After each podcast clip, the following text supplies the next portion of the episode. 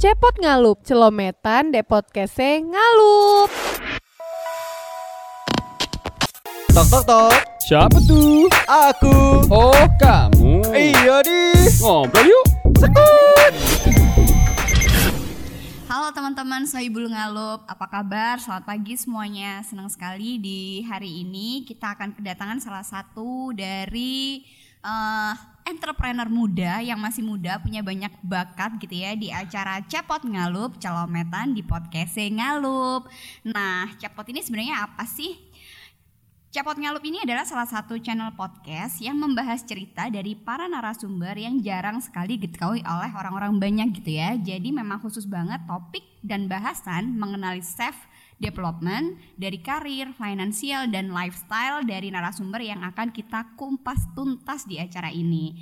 Nah, Ngalup ingin memberikan movement kepada teman-teman untuk dapat mendengarkan lalu mempraktikkan apa yang didengarkan melalui podcast dan teman-teman selanjutnya bisa meng-highlight cerita dari narasumber yang sudah mengalami atau mempunyai cerita yang menarik untuk dibahas. Harapan ke depannya Soibul Ngalup tetap bisa semangat dan mendapatkan inspirasi dalam berkarir ke depannya. Eh, Nggak lama-lama langsung aja saya mengundang khusus hari ini.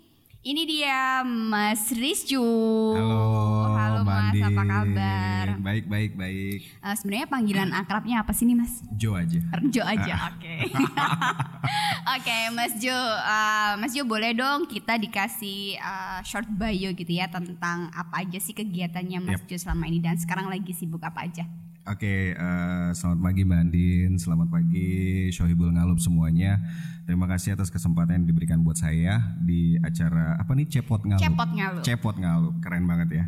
Bukan Sunda kan ini ya? Eh, bukan, Arema sih. Arema asli ya.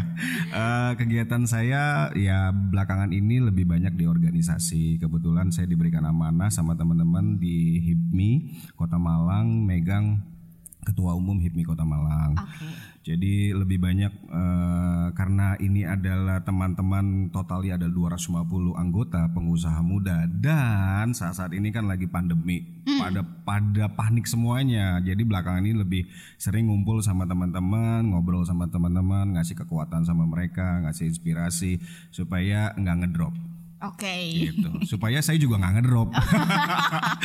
gitu. Pasang survival mode ini ya. Iya, betul. Flight mode. Oke, nah Mas eh, seperti yang saya tahu dan mungkin teman-teman juga tahu Rizjo gitu kan. Yep. Kalau orang dengar Rizjo itu kan mesti yang pertama banget dikenal adalah barbershop Yeah. gitu. Kalau boleh tahu nih sebelum kita ngebahas tuntas dari masing-masing eh, lini bisnisnya Mas Jo yang banyak ya. banget, kita akan bongkar satu-satu gitu ya.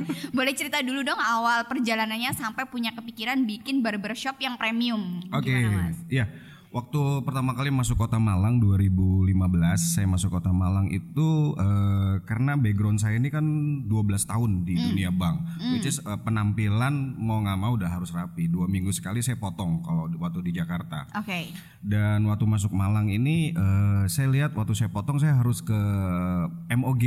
Oke, ada salah, satu, mall salon ya. ada salah satu salon yang lumayan eh, ngetren bagus. Tapi eh, ada ribet karena saya harus masuk mall terus kemudian harus bayar parkir harus harus eh, ya paling tidak harus ada effort lah. Ya. Dan akhirnya saya keliling saya cari barbershop mana ya di kota Malang. Kok belum ada barbershop yang punya style yang bisa melayani eh, para gentleman kota Malang? Nah akhirnya Eh, saya sepakat sama istri yuk kita iseng-iseng coba bikin barbershop yang memang bisa memberikan ya apa ya namanya sesuatu touch yang beda dengan yang lain akhirnya kita create dapat yang di coklat bunga coklat yang pertama kali Oh justru yang di coklat. Eh coklat Oke. itu yang pertama kali kita, and then kemudian kita bayar, terus kemudian kita renovasi, kita bikin barbernya, terus bini saya bilang, lah barbermannya gimana ya? Yang potong rambut kan kita sebut barberman. Ya.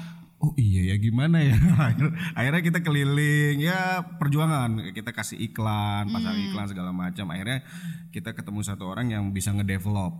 Oke. Akhirnya kita develop, terus uh, survive dan alhamdulillah dipercaya sama para teman-teman gentleman di Kota Malang. Saat ini kita sudah bisa bangun sekitar enam cabang Oh wow. di seluruh Jawa Timur. Seluruh Jawa Timur. Dua kota yang besar adalah Jember dan Surabaya. Oh justru yang gede di Jember. Iya. Ah, Surabaya. Oke, oke. Gitu. Oke. Terus Mas kan ada juga coffee shop Betul. Terus ada lagi properti, ada lagi SPBU. Terus tadi kita sempet kulik-ngulik ya sebelum kita ngobrol di uh, Capot ini lagi bikin mau bikin sesuatu yang baru lagi tuh ada di cycling, ada di bisnis tourism lah, apalagi mainannya mas. Ya eh, kebetulan memang pendidikan saya saya di development di bank itu lumayan karena memang saya eh, di bank itu kan eh, manajemen investasi, investasi. Jadi saya membantu orang untuk mengelola keuangan mereka. Akhirnya itu masuk sendiri ke saya. Bagaimana saya bisa mendevelop keuangan saya sendiri. Nah, dari satu cabang itu dengan modal 150 juta Terus kita kembangkan lagi, kita buka di eh, Sigura-gura yang cabang kedua, cabang ketiga kita buka di UMM, lalu kemudian kita kembangkan. Memang target kita satu tahun tuh tiga cabang untuk Oke. Rizjo Barbershop setiap tahun. Setiap tahun. Itu selalu kita buka tiga cabang. Kenapa? Karena kita pingin pertama membantu para gentleman untuk bisa mendapatkan level stylenya mereka. Karena kan sekarang cowok nih udah nggak mau disamakan untuk sejajar dengan salon di sebelah kanannya yang motong mbak-mbak, tante-tante, lagi keramas, bonding, terus yang motong tuh yang uh cuco. gitu. Akhirnya mereka pilih barbershop yang memang man to man. Oke. gitu laki-laki. Dan kita kembangkan terus kita buka cabang di Jember. Akhirnya kita bisa buka cabang di Surabaya. Sebenarnya tahun ini kita sudah bisa buka sudah sudah hampir buka di Solo dan Jogja Oke. karena kebentrok kemarin Februari ada pandemi akhirnya eh, Di kemarin hold di hold karena kita sudah hampir bayar sewa ke notaris Oke. tapi di hold eh, ya akhirnya tahun ini kita survive dulu aja gitu Oke. untuk mengembangkan pom bensin Oke, gitu. oke. Nah, kalau bicara tentang survive nih Mas, Mhm. eh, survive di lini bisnis apa aja yang bisa ngebantu untuk eh, apa istilahnya eh, modenya sekarang itu kan bertahan dulu. gitu. Betul. Apa nih yang yang dipakai? Sebenarnya kalau saya sih lebih nerapin kan banyak dari pengusaha-pengusaha sekarang pivot nih. Ya. Pilihannya adalah pivot. Nah, saya sering bilang sama teman-teman, pivot is not only the uh, the first option gitu loh. Kalau memang kamu memang uh, yakin dengan pivot itu lakukan. Banyak teman-teman langsung pivot dari pariwisata mereka jual buah-buahan, ngambil buah-buahan dari para petani-petani dikumpulin lalu bikin sesuatu. Oke. Dari bisnis uh, mereka pun dia mereka seorang banking lalu kemudian bikin namanya warteg-wartegan dan segala macam mereka pivot gitu. Bahkan saya saya punya salah satu panutan namanya Pak D Rahmat itu kan dia dari printing jet tiba-tiba buka juragan udang yang di Suhat dan udangnya lumayan naik growth-nya. Cuman kan nggak semua orang bisa melakukan itu. Betul. Ya kalau saya sendiri tidak mengembangkan pivot itu, tapi saya lebih mengembangkan usaha saya ini bisnis saya saya harus create sehingga di bulan Januari kalau memang Covid itu selesai kita punya eh, weapon, kita punya senjata-senjata yang akan kita keluarkan. Nah, akhirnya kita dari divisi kita sendiri kita berhasil meng-create beberapa divisi bisnis nanti di Januari yang kita akan rilis. Barbershop ya salah satunya akan ada franchise. Terus kemudian kita punya retail produk yang kita harus kembangkan. Terus dari barbershop sendiri kita create salah satu industri baru yang belum pernah ada di Indonesia. Nah, kita kembangin lagi barbershop ini naik satu level lagi. Nah itu nanti kita akan rilis di bulan Januari. Oke, Gitu. nggak sabar nungguin. Boleh dikasih bocoran apa enggak? Jadi memang eh, tetap berangkatnya pada akhirnya dari lini bisnis utamanya Ini ya. di bisnis utama. Betul. tanpa harus kadang uh, mikir untuk pivot duluan gitu ya, Iya. tapi ngasih value added atau Betul, sesuatu added. uniqueness yang Yap. baru gitu ya. Saya saya melihat fenomena Brompton sih sebenarnya ya. Ah, oke. Hmm. Itu keren banget sih. Sepedanya kalau kita lihat bagusnya dari mana sih sebenarnya itu sepeda bannya kecil terus kalau Hmm. yang naikin orangnya gede itu kan kayak yang digambar-gambar tuh ya di sirkus-sirkus. Ya. Terus eh, iya nggak ada bagus-bagusnya seperti road bike. Road bike kita lihat bagus-bagus, Hmm. keren-keren. Tapi harganya luar biasa. Sebenarnya harganya cuma gara-gara ada tulisan Brompton di bodinya itu kan. Hmm. Kalau Brompton itu ditarik dan nggak ada stikernya itu nggak ada harganya. Hmm. Makanya saya bilang sama teman-teman eh, apa namanya eh, momentum ini kita harus lihat lihat sepeda dengan efek Brompton dia bisa naik harganya. It's mean value editnya kita harus cari bisnis kita ini value editnya apa kelebihannya. Makanya kita harus cari efek Bromptonnya dari bisnis kita. Nah makanya saya sama teman-teman divisi di Rizjo, ayo kita create efek Bromptonnya Se- sehingga orang ngelihat Rizjo itu different sama yang lain, sama barbershop yang lain gitu. Dan momentum ini kan tepat karena semua orang saat ini berhenti di titik yang sama. Mereka nggak lakukan apa-apa. Even lu punya duit, even lu nggak punya duit, even lu kreatif, even lu pasukannya banyak, idenya banyak, tapi lo lagi berhenti di titik yang sama. Nah itu sih Jadi tuh kayak kesempatan kesempatan. yang benar-benar akan bisa dimanfaatkan Betul. gitu ya. Oke, oke. Mas, nah kita sekarang akan ngobrolin tentang bagaimana entrepreneur ini uh, bisa survive bersama-sama Betul. melalui uh, tadi asosiasi uh, bisa dibilang organisasi atau asosiasi kalau di- Organisasi organisasi lebih. ya di Oke. HIPMI. Nah, kalau sekarang kan dapat amanah sebagai ketua HIPMI, HIPMI Kota Malang, Kota Malang gitu ya. Sebenarnya uh, apa yang uh, menjadi satu uh, apa istilahnya tumpuan nih Mhm. kan orang pada berharap nih sama Mas Jo sebagai ketua nih Mhm. apa sih yang kira-kira Mas Jo bisa lakukan untuk ngebantu seluruh teman-teman yang ada di uh, organisasi HIPMI ini mesti kan member-member atau anggotanya tuh berharap banyak untuk uh, ini ada satu uh, gebrakan baru untuk kita bisa survive bareng-bareng atau melakukan hal-hal seperti apa Eh, HIPMI punya visi. Visi kita kita buat simple namanya GPS Impact. Hmm. GPS Impact itu G yang pertama itu government impact. Jadi HIPMI dibangun di Kota Malang ini harus memberikan dampak khusus kepada pemerintah.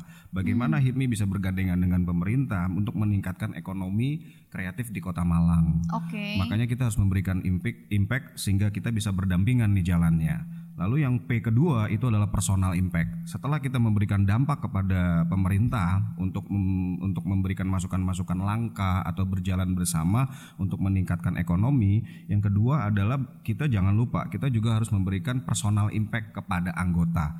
Anggota-anggota ini juga harus diberikan special treatment sehingga mereka bisa mendapatkan oh benefit gue masuk HIPMI ini dan ini dan ini. Nah, cuman memang di khusus di personal impact ini gara-gara bulan Februari kemarin kena COVID, akhirnya kita nggak bisa lakukan banyak eh, event, nggak bisa lakukan banyak kegiatan yang kita sudah create tuh. Ada ini, ada motivasi coach, ada ini, ada segala macam. Eh, waktu kita tarik, ayo kumpul bareng-bareng. Ya, even sekarang ada protokol kesehatan, tapi kan beberapa orang masih takut Ya. karena mungkin ada tetangganya, dengar dari saudaranya, apa segala macam. Nah itu akhirnya eh, sedikit mengurangi kegiatan langsung bertemu muka, tapi lebih banyak ke zoom zoom dan lain-lain. Nah S yang ketiga adalah social impact. Nah setelah government impact kita cukupi, personal impact sudah kita eh, apa berikan penguatan kepada mereka. Kita jangan lupa bahwa kita hadir untuk memberikan dampak kepada sosial. Nah di situ juga kita sudah sering memberikan kayak kemarin kita sudah eh, waktu zaman covid pertama-tama kali bulan Februari eh, Februari Maret April kita sudah ngedrop hampir total sekitar 10 ton beras yang kita bagi berkala. It means kita memberikan dampak kepada sosial juga. Nah, eh, dengan GPS Impact ini, akhirnya kemarin baru-baru ini kita bersama-sama tim HIPMI kita mau bikin satu namanya Satgas eh, Pemulihan Ekonomi Oke. untuk mempercepat pemulihan ekonomi. Memang saat ini pemerintah kan sudah punya tuh. Cuman eh, kita pingin karena kita punya 250 anggota, which is berarti kan ada 250 usaha.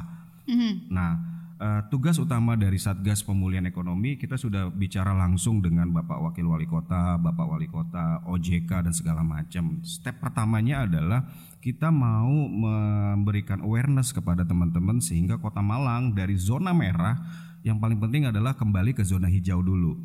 Dengan cara eh, pengusaha ini harus aware mengenai protokol kesehatan Oke. menggunakan masker, menggunakan face shield, menyediakan eh, apa Hand namanya hand sanitizer. sanitizer, kebersihan, terus dan lain-lain.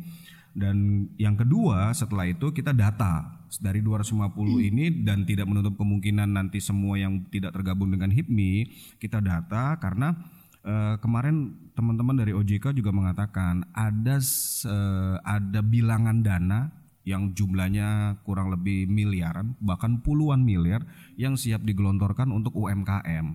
Tapi mereka harus bergandengan tangan, nggak bisa langsung OJK atau BI ngedrop langsung ke UMKM.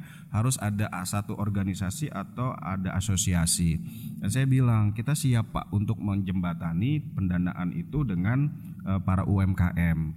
Karena kita yang mengenal betul mereka dan saya rasa mereka pun eh, sangat nyaman kalau didampingi dengan HIPMI dan itu sudah terjadi kesepakatan.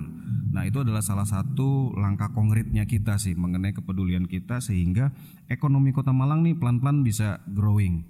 Yang paling penting adalah kesehatan. Begitu kesehatan udah oke, eh, ekonomi sudah mulai pulih, angka COVID sudah mulai turun. Yang kedua, step kedua mereka butuh dana pasti. Nah di situlah kita masuk untuk oke, lu butuh dana berapa? Kita jembatani ke OJK kita jembatani ke eh, apa namanya eh, BI sehingga mereka bisa mendapatkan dana untuk mereka bisa running bisnis. After that, step yang ketiga kita development mereka dari step eh, startup lalu kemudian naik ke middle up, naik ke high club. Eh, mereka punya omset dari puluhan juta, ratusan juta hingga puluhan miliar per tahunnya gitu sih. Oke mas, lanjut lagi ke eh, gimana caranya bisa memanage waktunya mas Jo.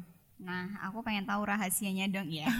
Eh, ada organisasi, Oke. ada banyak sekali bidang bisnis yang ditekuni gitu ya. Yap. Terus sama schedule-schedule aku nggak tahu apa lagi yang dikerjakan. Gimana cara ngebagi waktu dan memanagenya mas Jo? Iya sebenarnya sih nggak nggak harus di manage karena memang kegiatan saya nggak banyak lah. Belum belum jadi siapa siapa kalau masih mau diajak kopi kita available kok. Sama Mbak Andin. Makanya di ditodong langsung berangkat gitu, kan. spesial untuk Mbak Andin. Sebenarnya bagi waktu yang ngeflow aja sih. Karena saya bersyukurnya pengalaman saya dulu di 12 tahun di bank di Jakarta waktu kita kalau di bank tuh kan ada loh sehari harus ketemu berapa calon customer? Empat lima dan segala macam gitu. Tapi itu kan susah banget kalau di Jakarta. Kalau di Malang kita janjian misalnya let's say kayak tadi nih ya setengah sembilan. Setengah sembilan masih bisa berangkat gitu. Artinya eh, sembilan kurang berapa masih bisa berangkat. Tapi kalau Jakarta kan luar biasa gitu. jadi nggak ada resep khusus sih kalau kota Malang. Paling tidak kalau saya sih baginya cuman eh, sering juga ngomong ke teman-teman eh, manajemen saya di Risjo. Jadi kita bagi waktu tuh cuman tiga. Jadi sebelum jam 12, setelah jam 12, lalu di atas maghrib. Udah itu aja sih. Kapasitasnya paling sebelum jam 12 kira-kira eh, bisa nggak ketemu dua orang. Kalau nggak bisa ketemu satu orang. After itu jam 12 bisa nggak ketemu dua orang. Biasanya sih bisa kalau after jam 12. Lalu kemudian setelah maghrib Nah, kalau misal yang di rumah nggak nggak marah, nggak komplain gitu ya, kita ketemu orang. Tapi kalau yang di rumah udah mulai nyenggol-nyenggol gitu, kan di mana di luar, antang dulu dua hari di rumah. gitu, karena pas ya memegang amanah ini kegiatannya luar biasa. Karena kebetulan kan juga di IMA saya kan vice president juga bersama Pak Ade Rahmat Terus kemarin juga kebetulan eh, di salah satu warna politik saya ada terjun juga dan kemarin mendapat salah satu amanah lagi gitu. Oke. Seperti itu. Jadi memang banyak Luar ya biasa. berwarna kegiatannya. Oke Mas Jo, eh, boleh dong dikasih masukan atau ada insight khusus atau Hmm. tips trik lah paling gampang ya untuk teman-teman atau sohibul ngalup yang masih punya mimpi untuk menjadi seorang entrepreneur yang mungkin selama masa pandemik justru eh, mengalami hal-hal yang eh, mereka merasa takut untuk memulai satu Yap. hal baru, misalnya mau bikin satu bidang eh, usaha baru Hmm. atau mempelajari hal baru. Kalau Mas Jo ada tips trik nggak khusus di masa pandemi ini? Oke, kalau sebenarnya buat teman-teman yang baru mau usaha, saya sering bilang sama mereka, justru ini waktunya buat mereka melakukan sesuatu. Kenapa? Karena yang di lain lagi berhenti. Nah, saya beli- sering bilang di beberapa kelas-kelas di kampus, acara di kampus, jangan sampai sumur hidup lo, lo hanya menjadi customer. Hmm. Kenapa customer? Kita tuh jangan sampai waktu kita usia 30, 40 atau 50 kita baru aware gitu. Dari bangun pagi pun sampai spray, sarung bantal itu semua kita pakai merek orang. Hmm. Kaos kita pakai merek orang. Sikat gigi, sabun pakai merek orang yang kita kenal dari umur muda gitu kan ya. Terus kemudian eh, pakai baju lagi, pakai sisir, pakai minyak rambut, naik motor, motornya tuh kita udah tahu mereknya apa. Terus ke kampus kita pakai buku, pakai handphone, pakai pulpen, itu merek orang lain. Makan siang kita makan punya orang lain. Terus kemudian ngopi, kita ngopi di tempat orang lain gitu kan. Sampai kita menutup hari itu semuanya kita menjadi customers. Why not once of your life lu punya brand sendiri gitu loh. paling tidak kalau misalnya saya sering bilang cewek paling mudah kan sebenarnya kita bikin hijab-hijaban dengan logo nama kita sendiri. Start something special yang yang yang yang simple gitu aja. Lalu kemudian kita beli kaos oblong, kita sablonin apa terus pakai merek kita sendiri. Dan itu yang membuat saya saya nggak bisa nih 12 tahun eh, kerja di bank pakai merek saya sendiri gitu kan nggak mungkin gitu ya. Lalu saya keluar eh, saya bikin barbershop paling tidak saya potong rambut nggak di tempat orang, saya potong rambut di tempat saya sendiri. Terus saya punya brand pomade paling enggak saya nggak pakai minyak rambut orang lain saya pakai minyak rambut Rizjo saya pakai kaos kaos ada logonya Rizjo saya saya pak saya ngopi saya punya coffee shop sendiri. Sebentar lagi saya isi bensin paling enggak di SPBU saya sendiri gitu ya. Itu sih yang saya sih bilang, bilang sering bilang sama teman. Apalagi momentum sekarang dibanding 15 dengan 20 tahun yang lalu kan different banget. Sekarang kita mau bikin misalnya bikin warung kopi eh, kayak yang kemarin tuh apa sih kopi yang lagi ngetren tuh yang pakai Nutella Nutella apaan tuh Dal Dolgan apa Dalgona. Dalgon apa Dalgonal. Dalgona. Nah, gitu kan kita tinggal search di YouTube. Apa pun kebutuhan kamu untuk membuka usaha semuanya udah ada sekarang di YouTube. Lo mau mau nyablon, mau bikin coffee shop, mau bikin makanan, mau bikin startup sampai even lo mau bikin sesuatu yang ngejelimet, aplikasi, website segala macam segala segala macam tuh ada di YouTube. Dulu zamannya kita 15 20 tahun yang lalu, zamannya kita ya. Ketahuan dong ya. Zamannya zamannya kita kan bener ya Iya, sama gue sama. sama ya kita di zamannya kita bayangin nggak semudah itu kita mau buka uh, rumah makan kita ngomong sama orang tua nggak bisa kita uh, kita harus masuk ke rumah makan itu jadi kokinya tiga tahun 4 tahun berani keluar buka restoran begitu buka restoran pun kita harus punya ruko bayangin sekarang orang nggak harus buka restoran bahkan dia di rumah sendiri cuman modal spanduk nempel sama salah satu online food and then kemudian mereka punya omset yang luar biasa. Bahkan saya sering bilang sama teman-teman kalian tahu nggak dunia sekarang tuh bener-bener unlimited? Kenapa unlimited? Eh, salah satu perusahaan makanan terbesar di Indonesia dengan omset luar biasa contohnya di kota Malang aja ya eh, mereka punya omset 50 miliar sebulan loh sebulan omsetnya 50 miliar tapi mereka nggak punya restorannya, mereka nggak punya sendok garpunya, mereka nggak punya dapurnya, mereka nggak punya piringnya, bahkan mereka nggak punya tempat untuk eh, naruh meja dan kursinya. Tapi mereka punya omset 50 miliar sebulan. Perusahaan apa itu? Itu perusahaan boleh sebut merek nggak sih? Boleh, Boleh. boleh. GoFood Mhm. Perusahaan makanan terbesar di Indonesia yang nggak punya restoran, nggak punya piring, nggak perlu pusing dengan itu, tapi mereka punya creativity, connecting people Ya, dengan aplikasi, dengan sistemnya, mereka punya 20%, which Hmm. is saya bilang sama Pak Wali Kota, Pak Wali Kota, berarti ini 50 miliar, 20%, mereka udah ketahuan loh, sebulan tuh 10 miliar, Pak. Iya. Iya kan? Dan saya bilang sama mahasiswa, tuh lihat creativity itu bisa mengalahkan segalanya sekarang. Nah, start doing simple aja.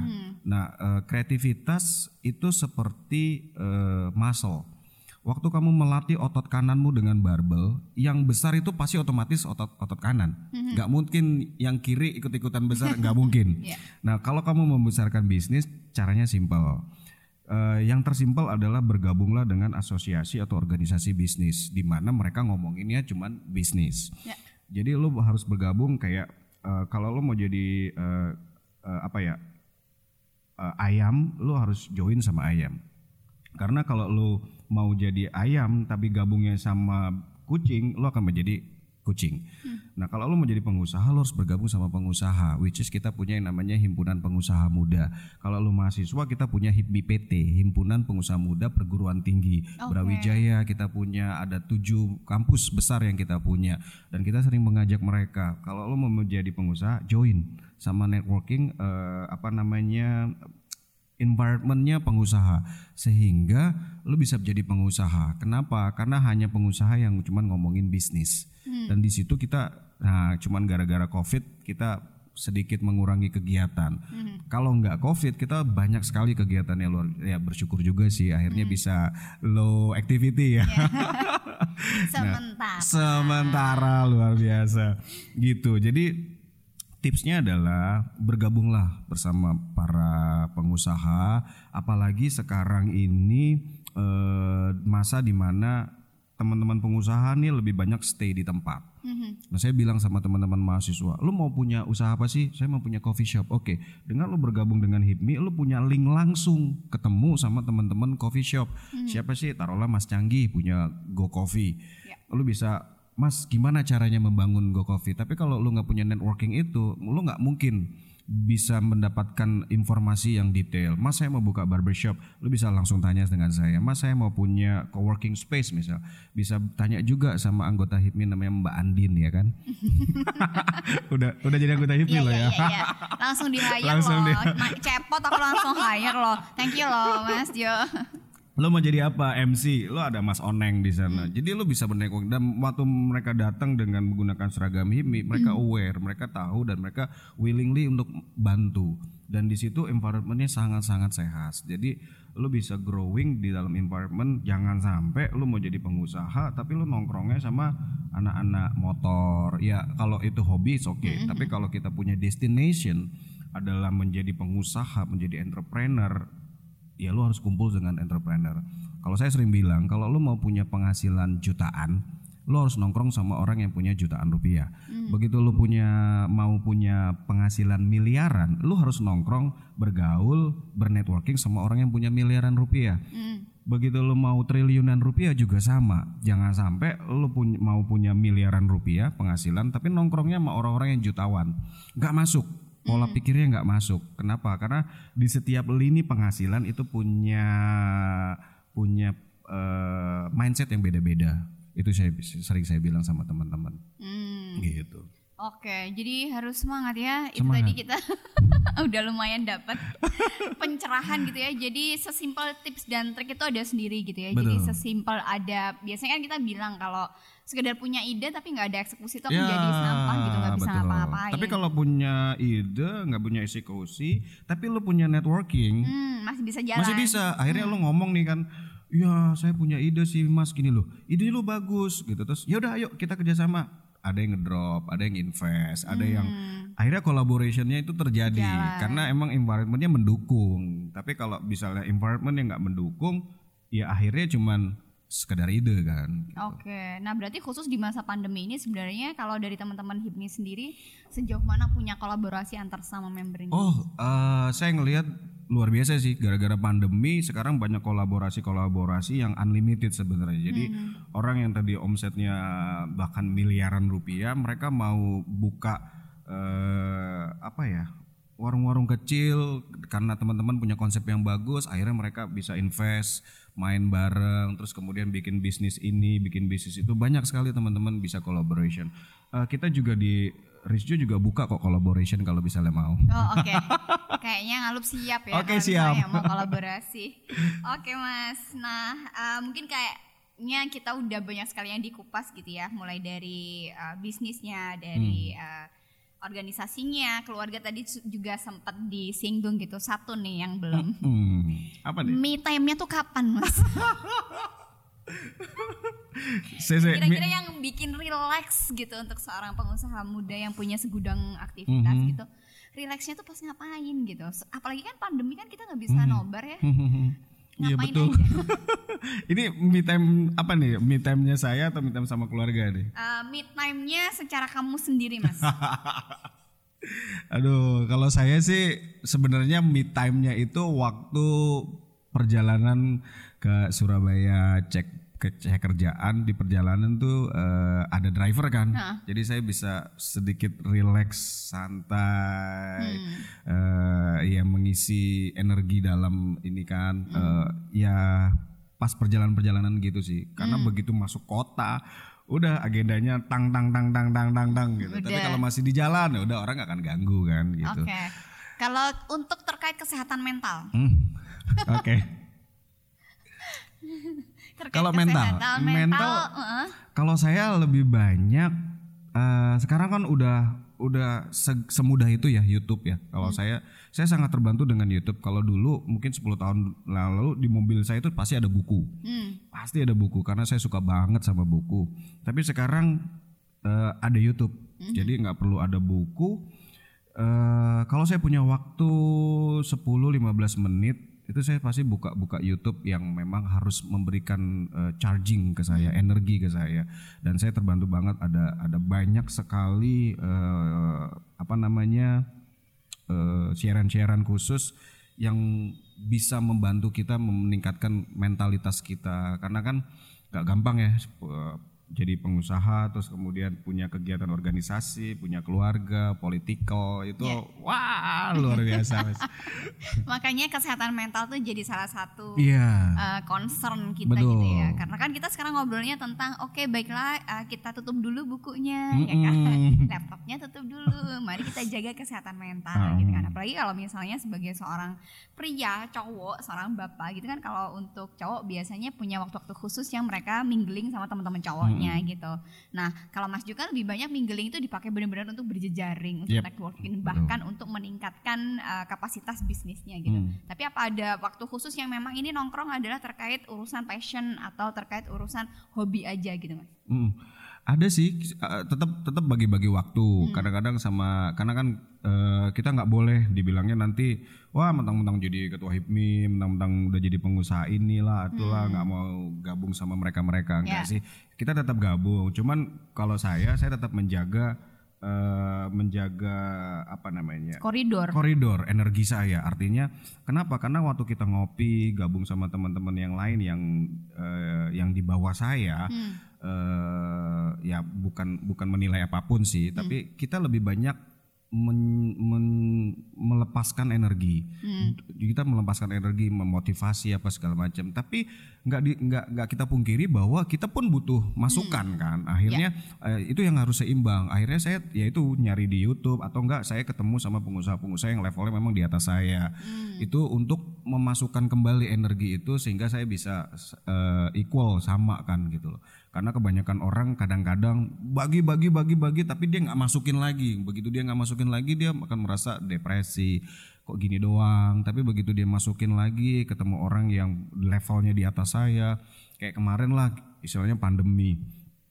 Eh, kita pengusaha di waktu yang tepat pandemi itu adalah eh, di saat bisnis kita drop total hampir 80% hilang bisnis kita tapi kita harus tetap nyicil ke bank kita harus tetap bayar THR-nya mereka kita harus tetap eh, kasih bonusnya mereka kita harus tetap kasih THR-nya keluarga kita juga. Terus eh, segala macamnya itu nggak bisa dihilangkan. Dan itu kan bisnis drop banget gitu ya. Ya. akhirnya harus ngocek tabungan. Tapi begitu kita ketemu orang yang lebih di atas kita bro lu tuh masih mending ya dropnya sekitar segitu. Bisnis gua lu hampir 60 miliar hilang 70 miliar. Gua harus sekian sekian iya ya oke nah itu kita diisi gitu. Nah waktu ketemu yang lain kita ngeluarin. Nah harus seimbang sih gitu sih. Hmm, Oke, jadi kalau aku boleh nanya, seberapa penting sih sebenarnya belajar dalam kehidupan seorang Rishu? 100% penting sih. Oke, I'm learning everyday learning. every day learning Oke, nah kalau misalnya kita belajar tiap hari sejauh mana uh, Rizjo ini uh, men- melakukan sharing knowledge entah itu kepada timnya atau orang-orang di sekitarnya. Eh, setiap saya ketemu orang tuh pasti saya sharing, saya sharing karena ya itu eh, setiap malam saya learning, saya belajar eh, dari dari buku, dari YouTube, dari eh, nongkrong sama orang-orang yang di level di atas saya. Lalu kemudian begitu saya dapat, saya bagi, saya bagi ke teman-teman ya cyclingnya dapat gitu loh. Kalau saya memang eh, di banking itu merubah saya, merubah kehidupan saya bahwa kita itu harus keep on learning, belajar. Karena eh, di level jutawan lu punya ilmunya. Tapi begitu lu mau masuk income 1 M per bulan, lu harus ketemu orang yang sudah punya income 1 M per bulan. Dan itu ada ilmunya lagi. Naik lagi 10 miliar, naik 15 miliar, naik sampai eh, 1 triliun. Itu ada ilmunya lagi. Bahkan ilmu-ilmu yang kita walah gitu toh caranya gitu. Jadi learning itu is the most important thing sih buat entrepreneur nggak bisa dipisahkan kalau lo nggak suka belajar you're not entrepreneur karena entrepreneurs keep on learning gitu Oke, luar biasa. Ah, banyak sekali nih ilmu yang udah kita dapetin gitu ya. Oke, Mas Jo, eh, mungkin ada yang terakhir. em, Apa sih ada quote khusus nggak sih yang selalu jadi pegangan untuk seorang Rizio dalam menjalani uh, bisnisnya dan kehidupan sehari-harinya yang mungkin nanti bisa memberikan banyak insight kepada Soibul Ngalup yang sekarang ngedengerin? Waduh, banyak sih sebenarnya. Cuman eh ada salah satu quotes yang yang saya sering baca, saya harus baca setiap pagi. Itu quotesnya dari Albert Einstein. Seorang Albert Einstein ngomong bahwa eh, dunia ini nggak lebih hanya sekedar energi, frekuensi. Jadi kalau lo bisa menyelaraskan frekuensi itu, tidak ada kata atau tidak ada cara satu-satunya adalah lu bisa mencapai mimpi lu gitu jadi eh, even seorang Albert Einstein seorang kimia kimiawan ya ngomongnya apa sih kimiawan Iya, kimiawan. seorang ki- ahli kimia ahli fisika dia bisa menyimpulkan itu gitu loh bahwa eh, di dalam dunia ini ini semuanya adalah cuman energi. Begitu lo fokuskan energi di situ menyelaraskan frekuensi dengan energi yang satu, bahkan apa pun yang lo minta itu akan menjadi kenyataan. Ndak bisa tidak. Dia sampai ngomong ndak bisa tidak. Jadi kalau misalnya eh, saya cari itu, saya cari itu formula itu saya benar-benar cari bagaimana caranya menyelaraskan eh, mimpi saya, eh, kemauan saya dalam frekuensi yang sama dan dan saya lihat itu bekerja kepada satu buah handphone sih actually. Saya masih masih sangat apa ya namanya penasaran dengan Bluetooth Oke. cara kerja Bluetooth tuh gimana sih sebenarnya? Maksudnya gue kirim foto ke lu, and then kemudian diterima wireless loh, nggak ada Iya. kabel. Dan itu mungkin yang ditemukan Albert Einstein pada tahun dia lahir gitu, Iya. tahun dia bekerja. Dan itu cara kerja yang luar biasa. Dan itu masih saya keep on learning. Bagaimana caranya menjelaskan energi dan frekuensi itu? Karena kalau sampai frekuensi saya dengan frekuensi anda sama, kalau di handphone kan ada nomor handphonenya. Nah, nomor handphone inilah yang saya harus cari untuk mencapai mimpi saya. Dengan dengan beberapa mimpi yang saya punya yang saya pegang bahwa nggak mungkin nggak nggak ada yang nggak bisa, semua bisa. Mimpi lo apa? Mau punya mobil sport? Nggak ada yang nggak bisa. Bisa, tapi lo harus menjelaskan frekuensinya. Mau punya pesawat pribadi? Sebentar lagi Punya. punya even berkolaborasi ya tapi bentar lagi punya dan itu lucu cara kerjanya dan itulah cara kerjanya jadi eh begitu lu menyelaraskan dengan frekuensi itu apa pun yang lu minta Pasti bisa. pasti bisa Oke, luar biasa. Thank you banget Mas Jo untuk uh, sharing knowledge-nya. Kalau aku bisa bilang siang ini memang ngobrol dan sharing knowledge pada akhirnya ya. Semoga uh, apa yang kita sharingkan di siang ini bisa memberikan banyak sekali insight kepada Soibul Ngalup yang udah ngedengerin Cepot Ngalup. Uh, Mas Jo terima kasih banyak Sama-sama. sukses selalu untuk seluruh bisnisnya, Sama-sama. karirnya, keluarganya. Uh, semoga kita nanti akan selalu bisa berkolaborasi gitu ya. sama-sama terima kasih Oke, aku tutup dulu untuk teman-teman uh, Sohibul Ngalup. Terima kasih untuk waktunya. Sampai ketemu lagi di Cepot Ngalup episode berikutnya. Oke. Uh, semoga teman-teman ngedapatin banyak sekali insight dan bisa segera diaplikasikan dalam bisnisnya, karirnya, dan dalam kehidupan sehari-hari. Terima kasih. Sama-sama. Selamat siang. Westala.